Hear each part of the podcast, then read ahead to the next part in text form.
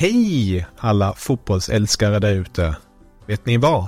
Vi gör det här tillsammans med Telia och de har ett fantastiskt erbjudande till dig som älskar fotboll. Telia har nämligen ett paket som samlar all fotboll.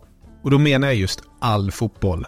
Från Telia, Discovery, TV4 Play och Viaplay för bara 699 kronor. Ni hörde rätt.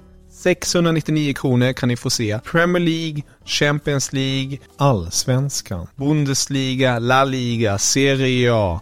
Ja, ni hör. De underbaraste och största ligorna där ute och även här på hemmaplan med Allsvenskan. Så för 699 kronor kan ni se all fotboll och som en liten bonus, det är ingen bindningstid. Så du kan börja streama direkt. Mm, ni hör. Att samla sporten smartare. Det är Telia. Nu fortsätter podden. God lyssning.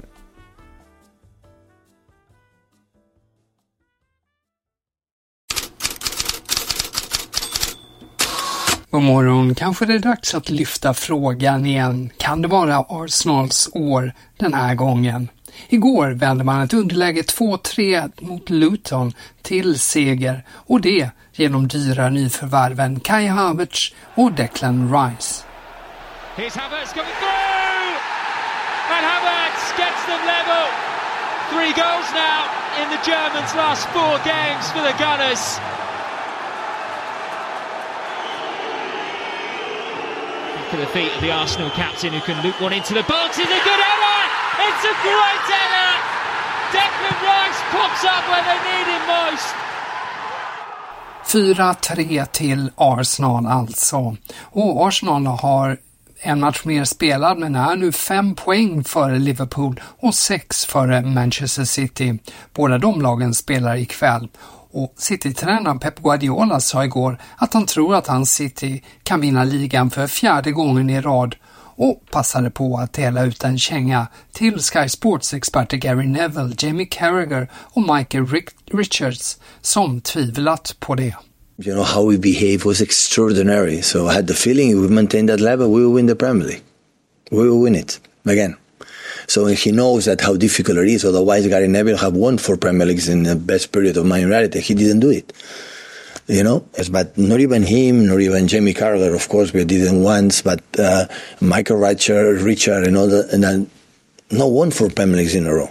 So when that happened, never ever, no team in England. Mm, Pep Guardiola där och Jamie Carragher, han slår i sin tur tillbaka på X. Han skriver jag tror jag hade vunnit en ligatitel om Liverpool ägdes av en nationalstat som tänjt på reglerna så mycket att Premier League ställt oss till svars 115 gånger. Så skriver alltså Carragher och syftar på anklagelserna mot City om ekonomiskt fusk.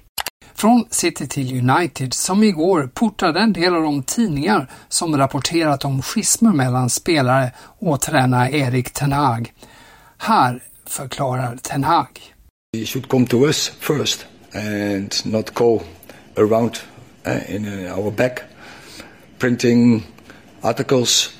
Uh, that's not the right thing. I think we have another relationship, and then they can, if they sh should give that to us forehand, we have a, a, normal and a professional discussion and debate about it. There, of course, when there are always in every team uh, players who are not of less playing, they are less happy, but not not different as as normal.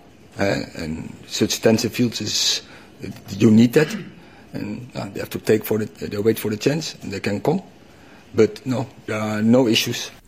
En del av tidningarna reagerar starkt. Daily Star har United på hela nyhetssättande idag och använder ord som överkänsliga kontrollfreaks och lipsillar. Och Daily Mail-krönikören Yat Al-Samarai ondgör sig över att United skjuter sig själva i foten och kallar portningen för den desperates sista tillflykt.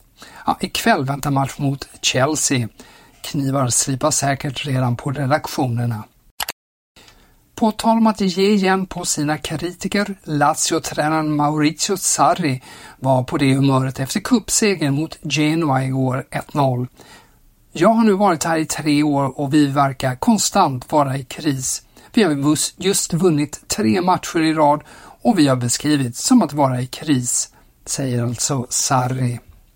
Från dagens Gazzetta dello Sport kan man också notera att Emil Holm i Atalanta nämns som en flopp hittills med tanke på speltid och insatser. The Guardian skriver att Liverpool troligen får klara sig utan Joel Matip i flera månader. Även The Times talar om månader i plural. En definitiv prognos på backens knäskada har ännu inte kommit till Spanien där man kan läsa att åklagare vill ha fyra års fängelse för de Atletico Ultras som hängde en docka av Vinicius Junior från en bro. Händelsen inträffade inför derbyt mot Real Madrid i början av året. Supporterna är redan portade från de båda klubbarnas arenor. Och om vi stannar i Spanien AS täcker idag första sidan med rubriken En plan för Mbappé. Tidningen skriver att Real Madrid är övertygade om att fransmannen inte förlänger med PSG innan den 1 januari. Därefter har den spanska klubben ett kontraktsförslag redo, men Real Madrid har satt en deadline och vill ha svar innan den 15 januari. Och så lägger tidningen till att annars vänds blickarna istället mot Erling Haaland. Vi tog redan igår upp att Sportings tränare Ruben Amorin bara tycker utköpsklausulen på 100 miljoner euro är acceptabel för Viktor Gyökeres. Enligt en rekord så håller Sporting med. Det är 100 miljoner som euro som gäller just nu och Abola menar att den höga prislappen är ett sätt att behålla svensken i alla fall till sommaren. Gyökeres har ju gjort 15 mål på bara 17 matcher i Sportings tröja. Ja, med de orden så tackar jag för idag på återhörande imorgon igen.